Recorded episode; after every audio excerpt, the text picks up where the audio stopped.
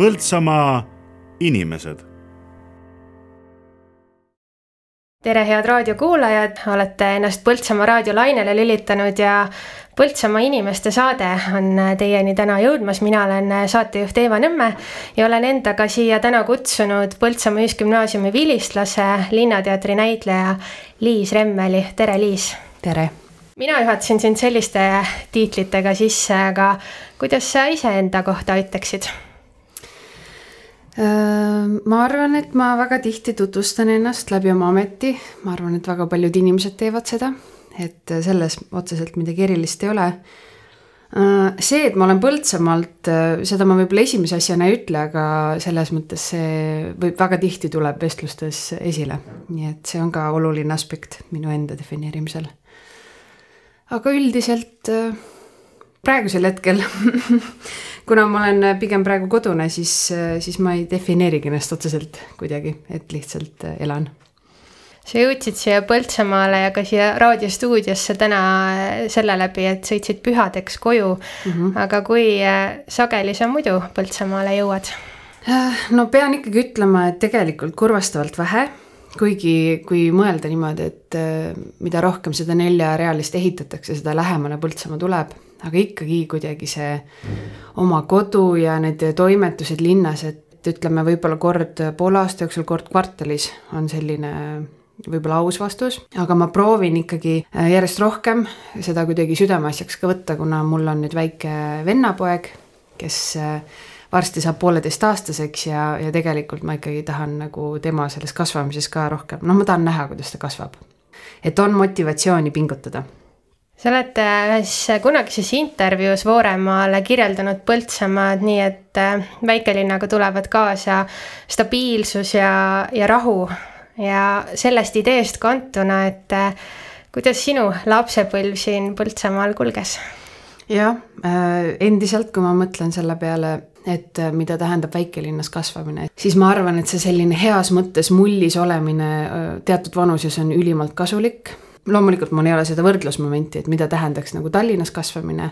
mulle tundub, et Tallinna lapsed võib-olla on kiiremad kohanejad ja, ja ka kohati võib-olla äh, asjalikumad selles mõttes, et äh, suurlinnas nii-öelda toimetamine, ühistransport, sul on palju võimalusi, sa pead, sa pead valima nende võimaluste vahel, et seal on mingi teatud võib-olla silmaringi laius mis väikelinnas lihtsalt, kuna vähe vähem võimalusi on, aga tõesti, samas see turvatunne, ma mäletan seda ikkagi gümnaasiumi lõpuni, et sa tunned seda linna nagu oma viit sõrme ja, ja väga palju inimesi on sulle, sina tuttavad, sõbrad, peretuttavad, et see on, kui tagasi mõelda. Ega siin otseselt ju tegelikult mingit kuritegevust või väga kriminaalseid asju ei toimunud, et ikkagi isegi kui mingis teismelise vanuses sai nagu kuidagi väga ööni kuskil oldud, siis ikkagi tagantjärele mõeldes noh, midagi liiga hullu seal ei juhtunud, et nii-öelda lapsevanema nurga alt mõeldes mulle tundub, et päris mõnus koht, kus lapsi kasvatada. No teismeea näide tuli nüüd juba sisse, aga kui sellest veel päris tagasi kerida, et siis Äh, lapsed ju ikka teevad äh, mingisuguseid krutskeid ja ei ole alati nii, nii äh, pai lapsed, et mis sul enda lapsepõlvest meenub lugudest, mis võib-olla emale pisut südamevalu võisid tekitada? jah, no õnneks oli üheksakümnendatel oli see kasvatamine natuke teistmoodi, et lapsed läksid toast välja ja õhtul tulid tagasi. ja kõik, mis seal vahepeal oli, see oli nagu laste oma maailm meil ikka mingid piirid olid, ma mäletan väga konkreetselt, kuna ikkagi Lillevere asub Tallinn-Tartu maantee ääres, siis ma mäletan seda, et äh, see heinamaa nii-öelda, mis jääb sinna maantee ja meie maja vahele, et seal oli konkreetne piir, kust me ikkagi ei tohtinud üle minna. et sellist nagu, et mängin maantee ääres, see, see oli nagu keelatud. aga üldiselt ma arvan, et väga paljud mängud olid äh, turvalised aga siiamaani, kui ma mõnikord jalutan Kuuse tänaval, siis ma mõtlen tagasi selle peale, et seal oli metsakiik. ma ei mäleta, kes selle ehitas, see oli ilmselt meist vanemad äh, poisid, äh, võib-olla isegi minu venna vanused, kes seal nagu ehitasid.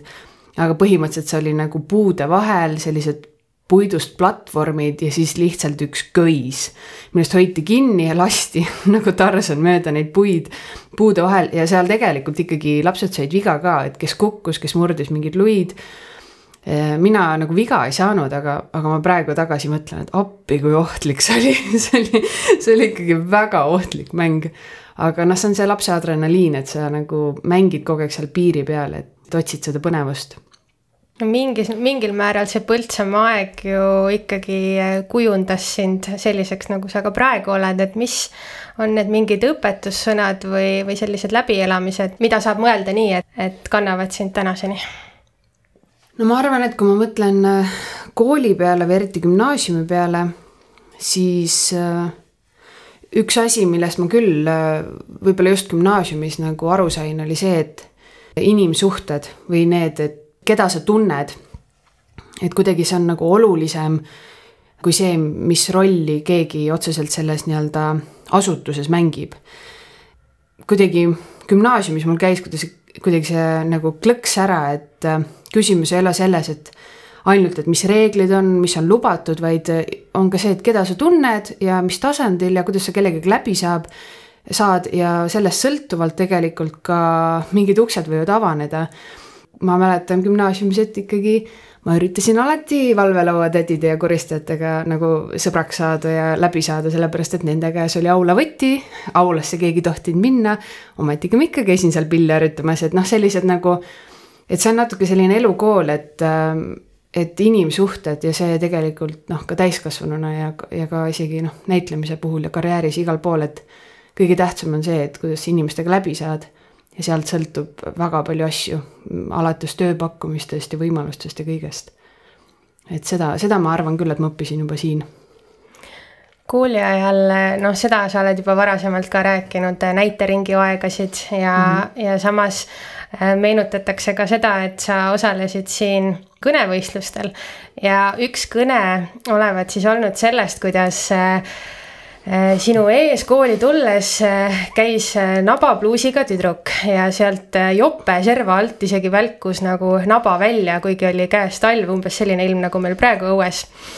Ja noh, miks ma seda kirjeldan kõike, on see, et see oli nagu näide sellest, kuidas sul ei olnud muret teha ka kriitikat, kasvõi eakaaslastele.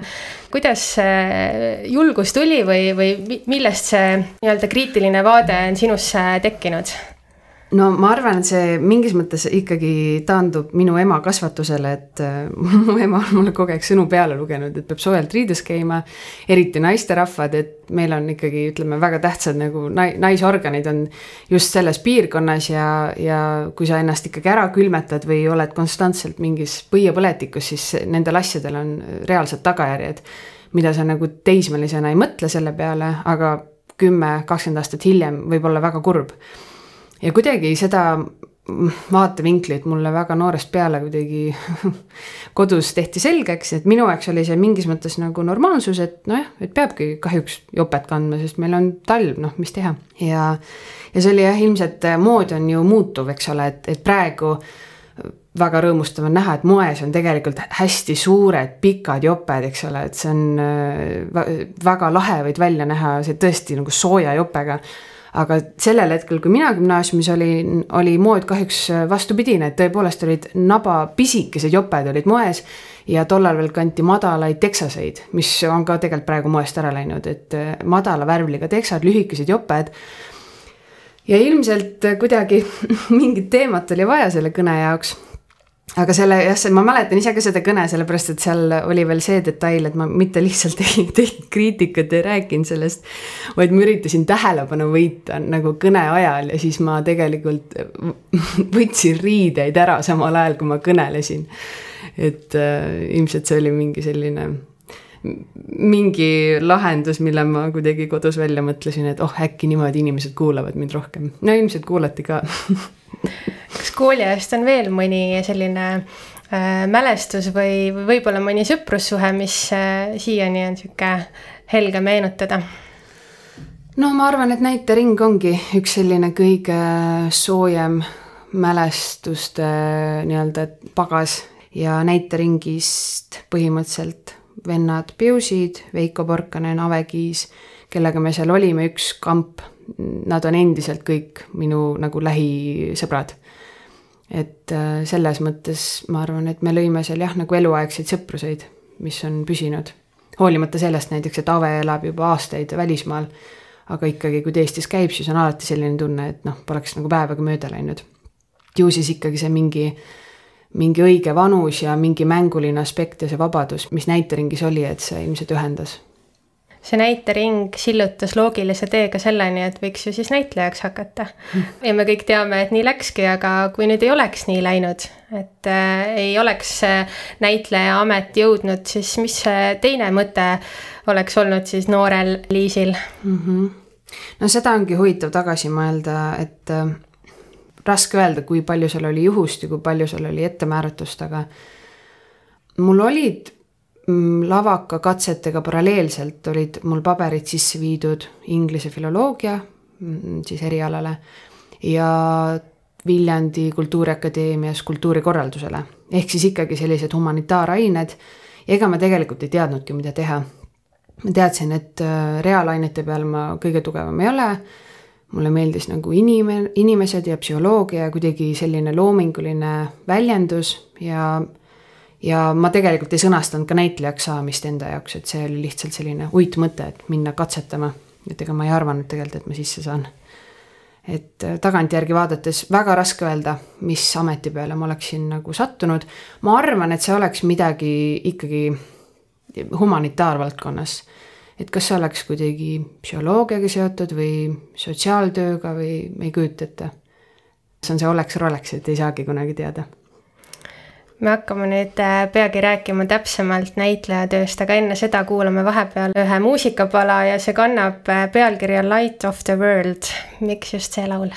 see on lihtsalt äh, üks laul konkreetselt sellelt albumilt, selle artisti nimi on Lauren Daigle ja ma ise väga olen selline jõulude ootaja, ma tegelikult juba novembris hakkan jõule ootama ja novembris ma kuulan rohkem jõulumuusikat kui detsembris ja tihtipeale on see, et kuidagi need playlist'id ka Spotify's lähevad natukene noh, kordustesse, et ühel hetkel sa enam ei jaksa neid äh, nii-öelda vanu häid jõululugusid kuulata, siis ma avastasin selle albumi ja seal on noh, tuntud vanad jõululood, aga nad on kõik uues kuues ja väga heades seadetes ja siis kuidagi mõtlesin, et äh, jagan seda albumit nendega, kes ka jõulumuusikat armastavad ja otsivad midagi uut. She's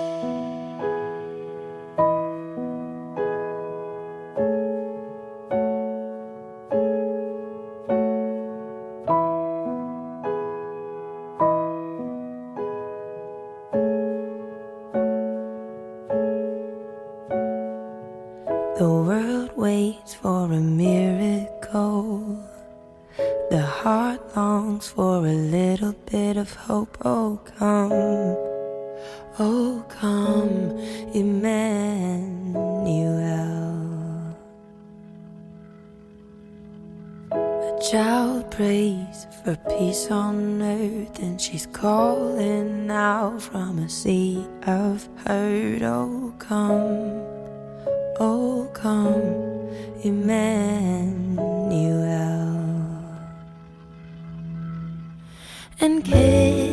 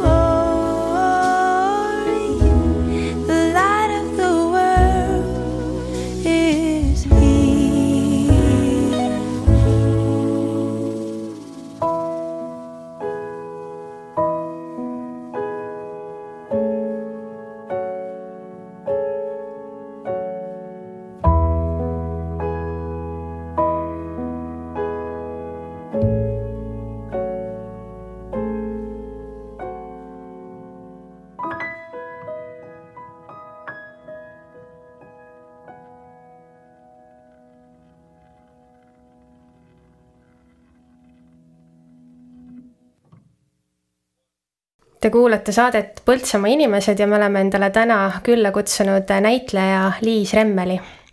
Liis, kui äh, kahe tuhande viieteistkümnendal aastal Linnateater tähistas oma viiekümnendat juubelit, siis oli ka selline saatesari nagu Kontakt. ja sina käisid seal saates koos kolleegi Maiken Schmidtiga ja Maikenilt küsiti seal niisugune küsimus, et et kui, kui Liis oleks mingi tants, et mis tants ta oleks ja siis tema ütles, et tango mm mis tantsu sa ise endale ütleksid oh,? väga raske öelda, tangot ma vist enda kohta ei ütleks mm,. ma vist ei tea nii palju tantse.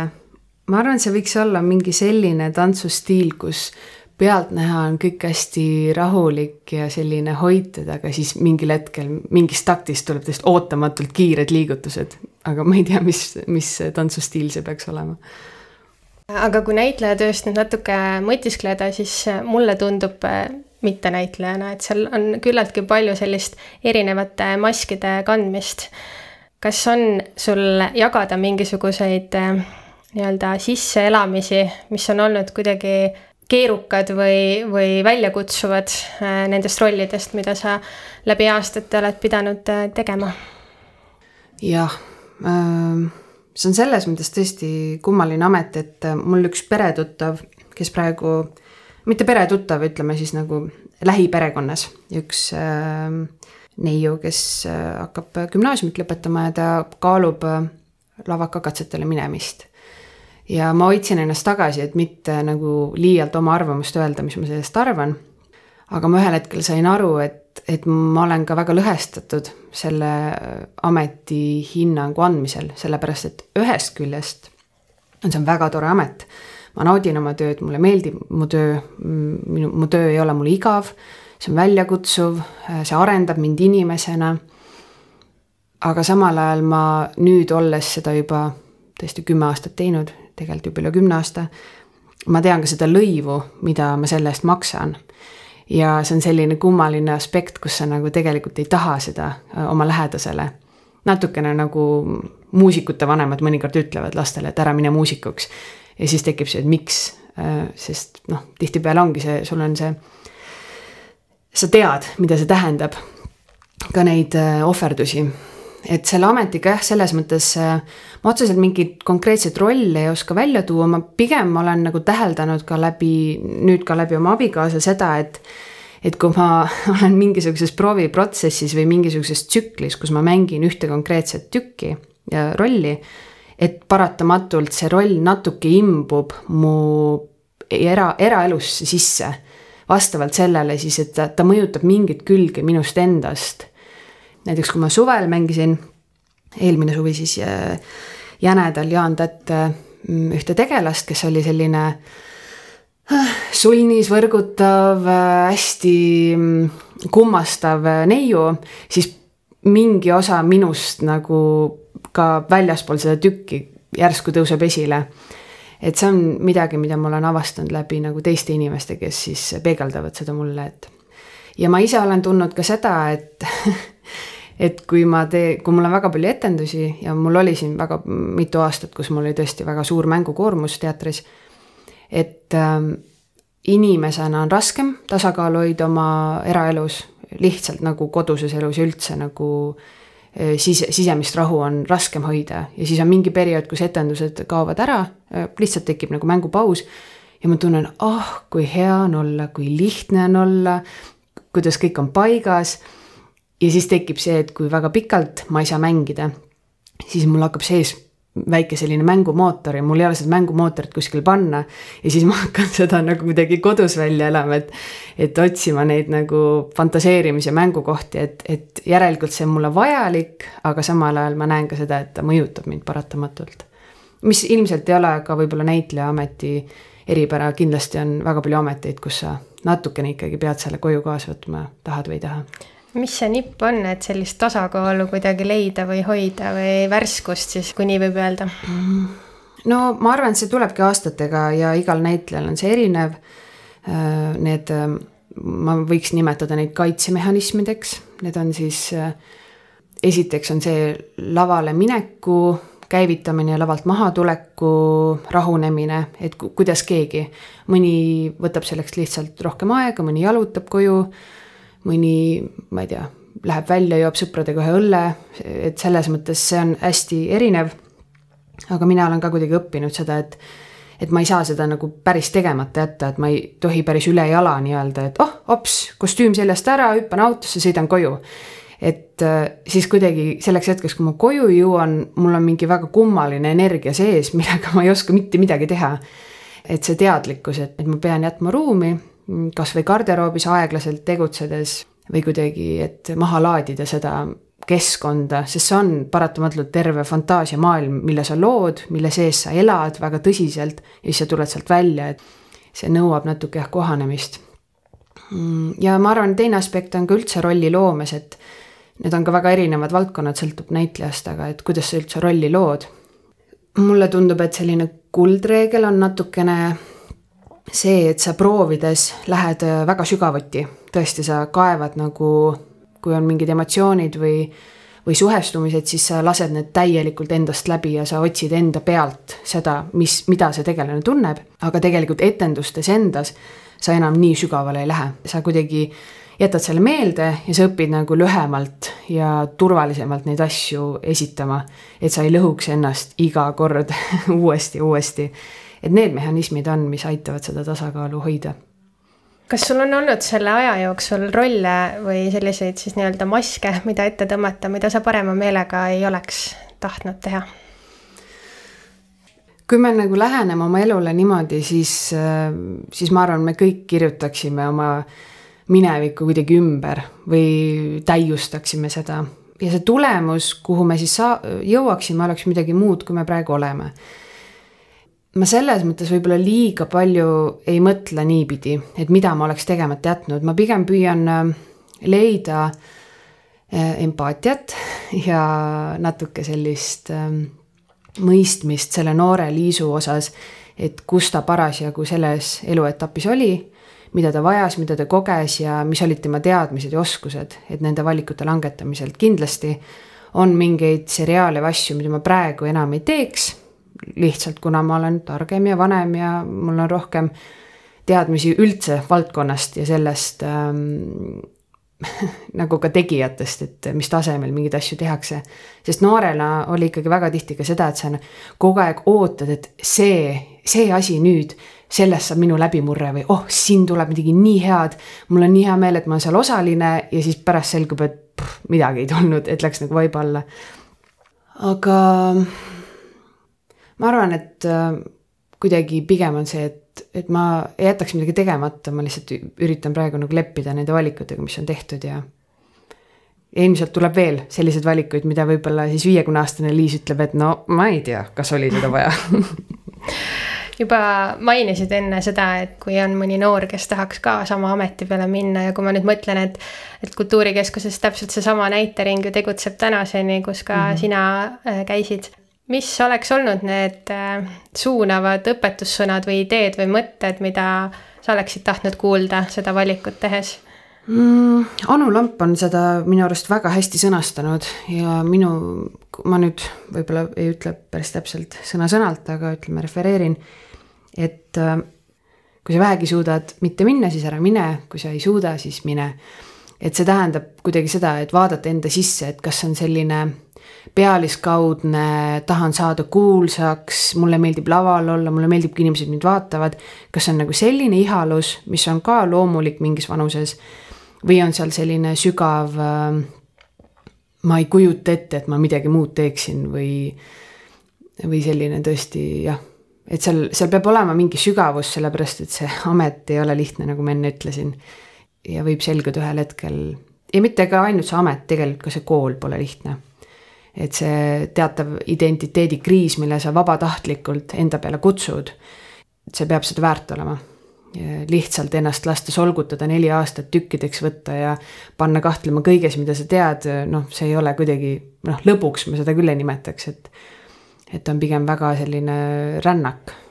sul peab olema suur põhjendus, miks sa seda teed endale vahel sellistel keerulistel teekondadel on meil ka eeskujusid, kes siis annavad äh, nõu või, või kelle valikud on nagu kuidagi hoiavad nagu raamis, et kas sinu jaoks on olnud äh, näitlejaks saamisel mõni eeskuju? näitlejaks saamisel vist tegelikult otseselt ei olnud. võib-olla vennad Piusid olidki, keda ma vaatasin, et neil oli kuidagi nii selge ja nii kindel see soov, et äh, siis ma väga palju mõtlesin selle peale, et kas minu sees on ka nii palju selgust.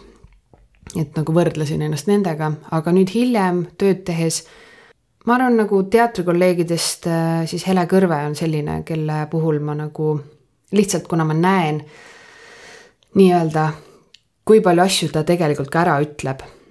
ja, ja mõnikord ütleb ära selliseid asju, mille puhul isegi mina mõtlen, et ohoh, et see tegelikult tundus nii äge või nii suur võimalus. Ja tagantjärgi selgub, et tal oli väga õige intuitsioon, et ma temalt nagu õpin seda, et ähm, et mitte karta kogu aeg seda ilmajäämist või seda, et kui ma nüüd seda ei tee, siis mind unustatakse ära, vaid usaldada, et äh, kui sa teed südame järgi sisulisi asju, siis tihtipeale need on piisavalt äh, silmapaistvad ja piisavalt nagu erilised, et see tagab sulle nagu sel-, nii-öelda töö ja pildil oleku. Et seda ma kuidagi teda jälgides õpin jätkuvalt näitlejad oma töös tihti äh, panevad luubi alla sellised äh, ühiskondlikud mingisugused probleemid või suundumused oma tükkides ja, ja oma rollides. ja kui mõelda tagasi nüüd sellele suvele, äh, siis linastus üks rokkooper, Johnny. ja seal Johnis üks põhiteemadest oli ka meedia Mm -hmm. ja, ja see, kuidas see, on põimunud, et on suured ja väiksed ekraanid reaalne ja mittereaalne elu. kuidas sina seda teemat mõtestad või, või, või sellesse suhtud?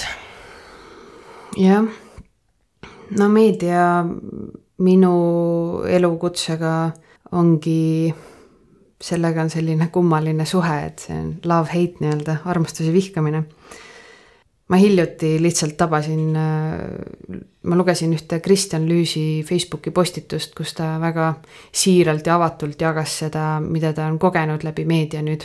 ehk siis sellist eraelulist solgutamist. ja ta on vist natukene noorem ka äkki minust. aga ma sain aru, et ta mingis mõttes elab läbi seda, mida mina juba tean või olen kogenud.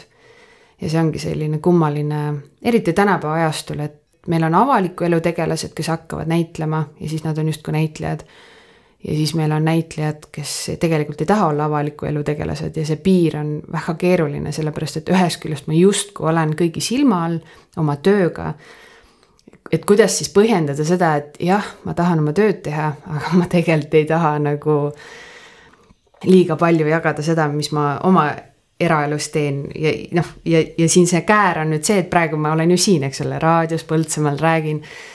et kus on see piir, eks ole, et kus maalt on see justkui nagu loomulik ja tore, kus maalt sa tegelikult äh, toidad äh, sellist äh, valdkonda, millega sa ei ole nõus.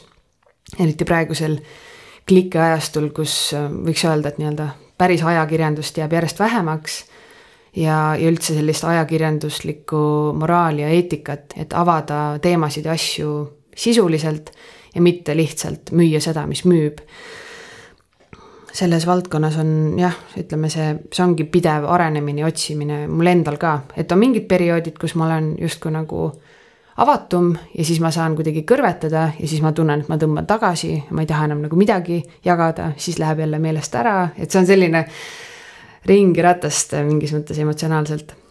aga üldisemalt äh, meediast ma lihtsalt just praegu, kui me sõitsime siia Põltsamaale, siis kuulasime ööülikoolis äh, Viivi Luige loengut Sõda ja rahu. kellel on aega ja huvi, siis soovitan kuulata, sellepärast et äh, Viivi Luik selles loengus tõesti väga hästi üldistab seda tendentsi, mis meil praegu on sellise Äh, täiskasvanud lapse infantiilsusega ja kuidas, äh, kuidas mingid sügavad ähm, põhimõtted ja väärikused ja asjad äh, on kadumas ja, ja mis ohtu see kujutab üldse ühiskonnale ja vabale ühiskonnale, et selles mõttes väga hea kuulamine. Kui mõelda veel sellest meediateemast natukene edasi, siis kuidas sina oled suutnud hoida iseenda elus tasakaalu selle vahel, et ei kaoks täielikult sinna ära ja et oleks selles päris elus sees, sest et äh, kui nüüd väga üldistavalt öelda, siis nii aknast kui uksest tuleb seda teiste elu ja teiste elu jälgimist sisse mm. -hmm. no siin ilmselt sõltub inimesest, et kui tundlik keegi on ja mida mida keegi talub, aga noh, mina ise tunnen, et ma olen üsna tundlik äh, ja mind mõjutab väga palju see, mida ma näen ja kuulen, mis tähendab seda, et mul on päris kõvad filtrid peal. alates sellest, et äh, minu mobiiltelefon minuga magamistoas ei maga, tema ööbib köögis, laeb ennast seal ja ta ei ole ka mul esimese asjana kindlasti käes, vaid sellele eelneb ikkagi rahulik lugemine ja omaette olemise aeg. ja siis ma alles avan telefoni ja vaatan, mis inimesed kirjutavad ja samamoodi ka tänapäeval on nii palju platvorme, mm, et ära tunda, missugused platvormid äh, tekitavad sinus nagu mitte lihtsalt dopamiini, vaid äh, päriselt kuidagi arendavad sind ja mis on need platvormid, kus sa saad dopamiini ja pärast millegipärast tunned ennast ka väga halvasti. et minu jaoks näiteks Instagram on väga hea näide, kus ma justkui olen kursis sellega, mis inimesed teevad, aga millegipärast on mul pärast väga halb tunne ja ma ei tea, miks see on täielik FOMO. see on selline tunne, et sa jääd millestki ilma, kõigil on nii huvitav elu, kõigil on, kõigil on ilusad, noh, et kõik on nii paigas. mis on illusoorne, need on lihtsalt ilusad pildid. et see, mis seal päriselt taga toimub, äh, seda me ju ei tea ja siis ma kuidagi tunnen, et ma sellest platvormist järjest rohkem võõrandun ja olen näiteks vastupidi jõudnud TikTok'i, mis on loomulikult ääretult lai platvorm, seal on täielikku jama ka. aga seal on ka väga palju selliseid siiraid inimesi, kes jagavad nagu oma päris elu, oma raskusi, äh, eriti kuidagi lapsekasvatusega seoses. et mulle vist see nagu vahetus äh, meeldib rohkem ja see on minu jaoks nagu reaalsem. aga ka uudiste lugemisel, et ma ei liialda nagu liialt äh, uudistega. et loomulikult peab kursis olema ja kui mingi teema mm, tänapäeval on, noh eriti praegu on ju nii palju asju õhus, eks ole, et sa pead kuidagi oma arvamust kujundama, selleks, et oma arvamust kujundada, sa pead lugema asju. aga et mitte liiale minna, sest lõppkokkuvõttes on see, et see sisemine rahu ja tasakaal ja lihtsalt suud-, see, et sa suudad teist inimest kuulata, armastada, isegi kui ta sinuga ei nõustu, et see kuidagi sul Delfist kätte ei tule, et seda peab ikkagi nii-öelda väljaspool rahulikult, kas või jalutades leidma seda. on üks teema veel, mis näitlemisega võib-olla käib nagu käsikäes, aga mitte tingimata ja see on muusika ja laulmine mm. -hmm. kuidas see laulmine ja muusika sinu elus kannab või rolli mängib? ma arvan, et laulmine on minu jaoks jäänud heas mõttes hobiks, kuna näitlemisest sai mu töö, et selle hobi ma justkui kaotasin. et siis laulmise, laulmises on see rõõm, et ma teengi, kui mul on võimalus laulda, siis ma laulan äh, rõõmust ja sellest, et mulle meeldib, aga ma kuidagi ähm,, kuna ma ei ole laulja ja ma otseselt ei koolita ennast selleks või ei tegele sellega sellisel kujul, siis ma ei pea ennast ka pingestama et kas mu tehnika on piisav ja ähm, kas ma saan hakkama ja kuidas ma nüüd ennast rohkem nii-öelda pildile saan laulmisega, et, et see automaatselt selline mõtlemine on juba tööalane mõtlemine. et minu jaoks on see, et kui mulle antakse võimalus laulda, siis on uhuu ja kõik ja siis ma lihtsalt naudin seda võimalust ja ja ma arvan, et see ongi see muusika nii-öelda südamele. et teed, teed lihtsalt sellepärast, et meeldib nüüd kuulame jälle ühe muusikapala ja selleks sa oled valinud kammerkoor Head ööd vend äh, laulu Õhtu ilu mm. -hmm ja ma lihtsalt mulle väga meeldib koorimuusika ja eriti mulle meeldib käia kohapeal koorimuusikat kuulamas, aga, aga ka see salvestus minu arust annab selle, mm, selle tunde, kui istud, istud hea akustikaga kirikus ja, ja siis koor laulab ja see tõesti, see on midagi nii rahustavat ja nii ilusat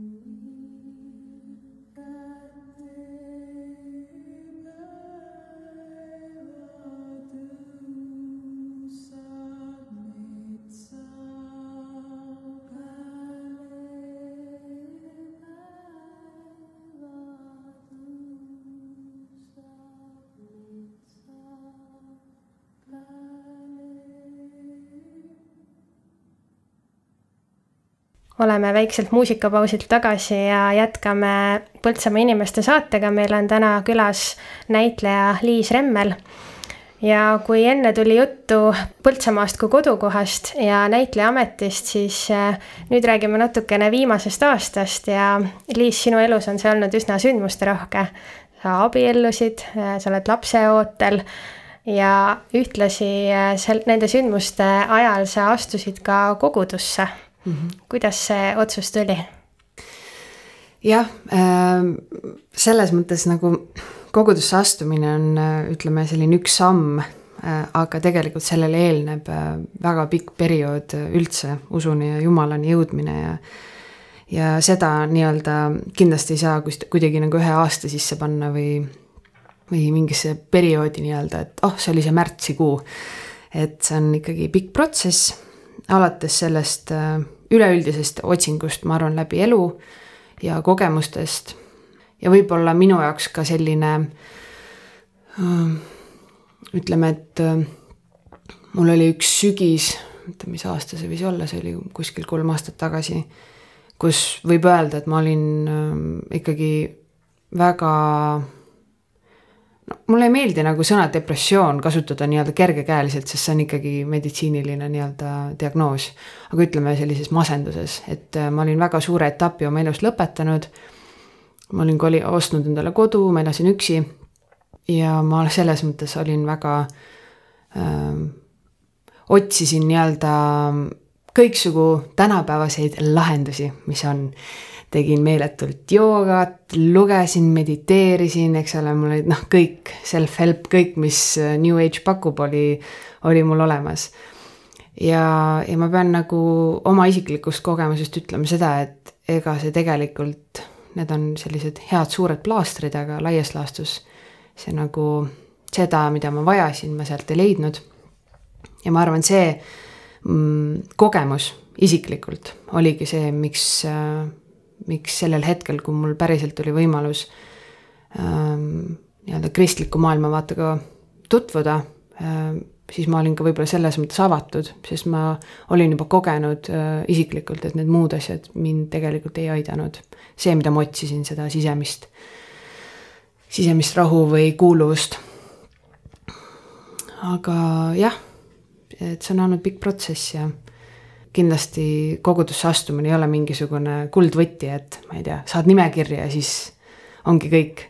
et äh, see on nagu me kõik, et see on elukestev äh, olemine, elukestev äh, suhe, mida sa arendad ja, ja seal on omad mõõnad ja tõusud ja ja mina ikkagi ennast praegusel hetkel pean veel nooreks kristlaseks, kuna ma ikkagi väga palju veel õpin ja otsin ja ütleme nii, et olen selline, kõrvad on kikkis ja, ja tõesti äh, otsin neid äh, erinevaid allikaid ja, ja raamatuid ja loen hea meelega, et äh, aga noh, lõppkokkuvõttes on see, et täpselt nagu ma siin olen juba öelnud ka, et, et usk ei ole selline asi, mida sa saad kellelegi kulbiga pähe lüüa ja öelda, et see on see vastus, sellepärast et see on ääretult isiklik asi.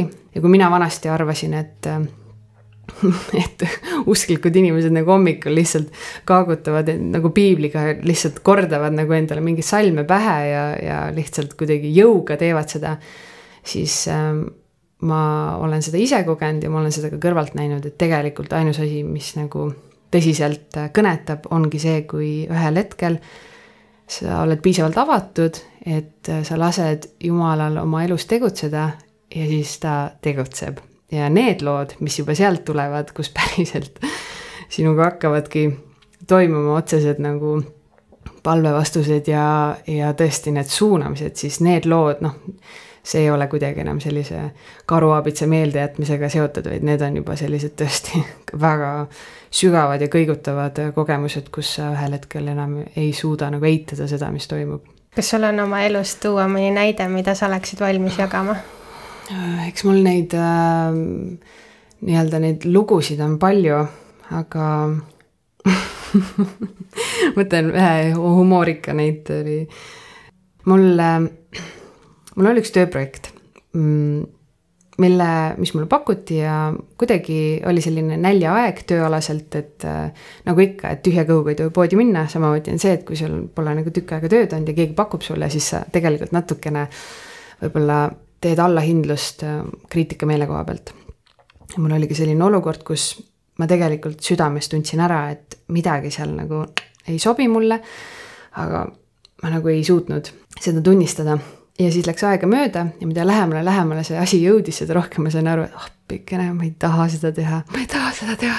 Täiesti nurk ennast mänginud, lepingutele alla kirjutanud, kõik asjad, eks ole, tööalane maine, töösuhted, tööandja, noh, nii palju asju, mis on nagu seotud, et kui lihtsalt alt ära hüppad, siis noh, ütleme nii, et tagajärjed ja ka paha maitse jääb ja, ja ka paha maine jääb külge. ja ja ma tegelikult tean, noh, mina tundsingi seda, et sellel hetkel, kui, kui ma seda nii-öelda sisemist tunnet alguses tundsin, siis see oli ka mingis mõttes ka jumala juhtimine, et lihtsalt, et anda märku, et võib-olla see ei ole päris see, eks ole, see pole sinu rada. loomulikult ma ei kuulanud, mis on väga tavaline, et ikkagi ajad oma asja ja alati kohe esimese nii-öelda suunamise peale ei, ei muuda oma meelt. ja siis, kui ma lõpus täitsa juba nagu nii nii hädas olin seal nurgas, et mida ma teen, et kuidas ma sellest olukorrast välja saan ja, ja siis tõesti mm, väga nagu jätkuvalt palvetasin selle olukorra lahenemise nimel, ma polnud õrna aimugi, kuidas see inimlikult võiks laheneda, mul oli kuidagi noh, tõesti inimlikult mul polnud ühtegi varianti selle jaoks, et mismoodi ma siit välja saan, ilma et ma nagu endale vett peale ei tõmbaks või kuidagi teistmoodi.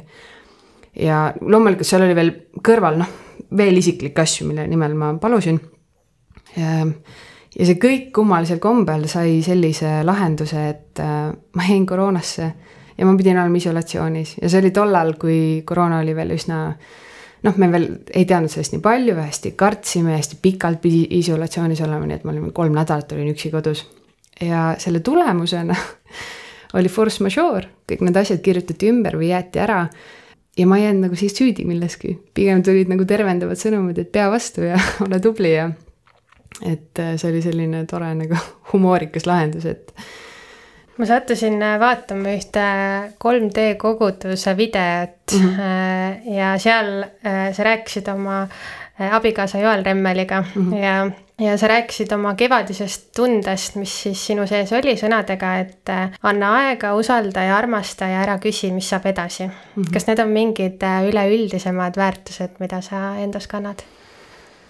no seal me konkreetselt rääkisime sellest, et, et kui äh, nii-öelda me kirjeldasime seda perioodi oma elust, kui me ei olnud veel abielus ja et kuidas, kui, kui suund ei ole veel ühiselt nii-öelda paika pandud, et kuidas siis nagu ära oodata või kannatlik olla, et. aga üldiselt ma arvan, et praegusel hetkel sellised põhiväärtused ähm,.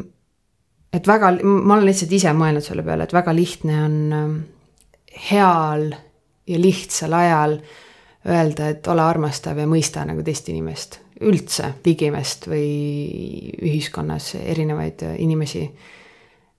aga mulle tundub, et see praegune aeg, kus me elame, seda, kus esiteks alates meediast tohutult vastandutakse ja ka inimesed ise vastanduvad meeletult.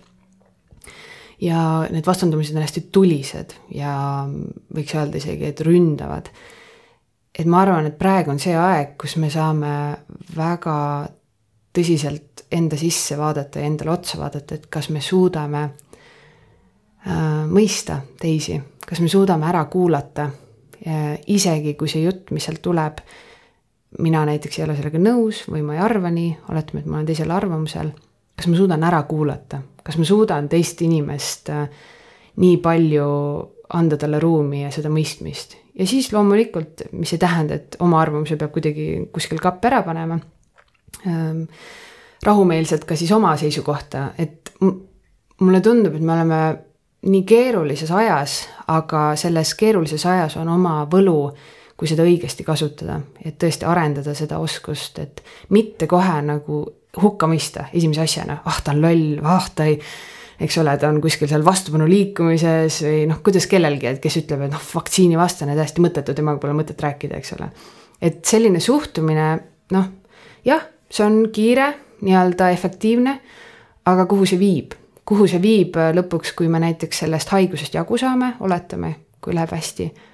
kas meil on ühiskond alles, kas meil on alles ühiskondlikud, inimlikud suhted, kas me saame üksteisega läbi?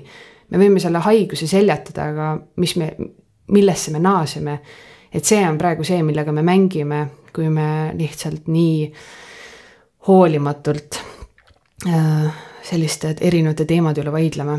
et selles mõttes äh, ma nagu ise tegelen sellega ja võib-olla siis kutsun teisigi üles mõtlema selle peale, et et kuidas siis äh, arutleda nende asjade üle nii, et säiliks inimlikkus meie tänane saade hakkab nüüd juba lõpuni jõudma, aga viimase küsimusena ma uurin, et mis on need jõulude ja aastavahetuse aegsed äh, traditsioonid või tegemised, mis teie perekonnas on?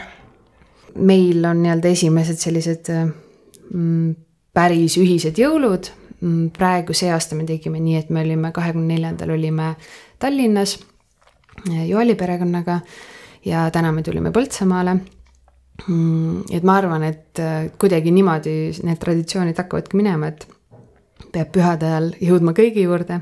aga laias laastus ma vaatan, et uue aastani on väga sotsiaalne graafik et kuna meil endal on päris palju aega, me oleme sellised loomingu inimesed ja meie võiksime nagu muul ajal ka oma uksed avada ja külla kutsuda, aga, aga väga palju on selliseid sõpru ja tuttavaid, kes teevad ikkagi tavatööd ja nüüd pühade ajal neil on aega ja siis äh, on selline kokkusaamiste jada, et vaadata üle tuttavad ja sõbrad ja vaadata, mis elu keegi elab ja mulle tundub, et selles, selles tuules need pühad lähevad. Väga tore, no jääbki üle soovida siis ilusat uue aasta ootust ja aitäh, et sa täna meie saatesse tulid. Mm,. väga tore oli, aitäh. ja saadet jääb lõpetama siis äh, Joel Remmeli trio Et sa teaks.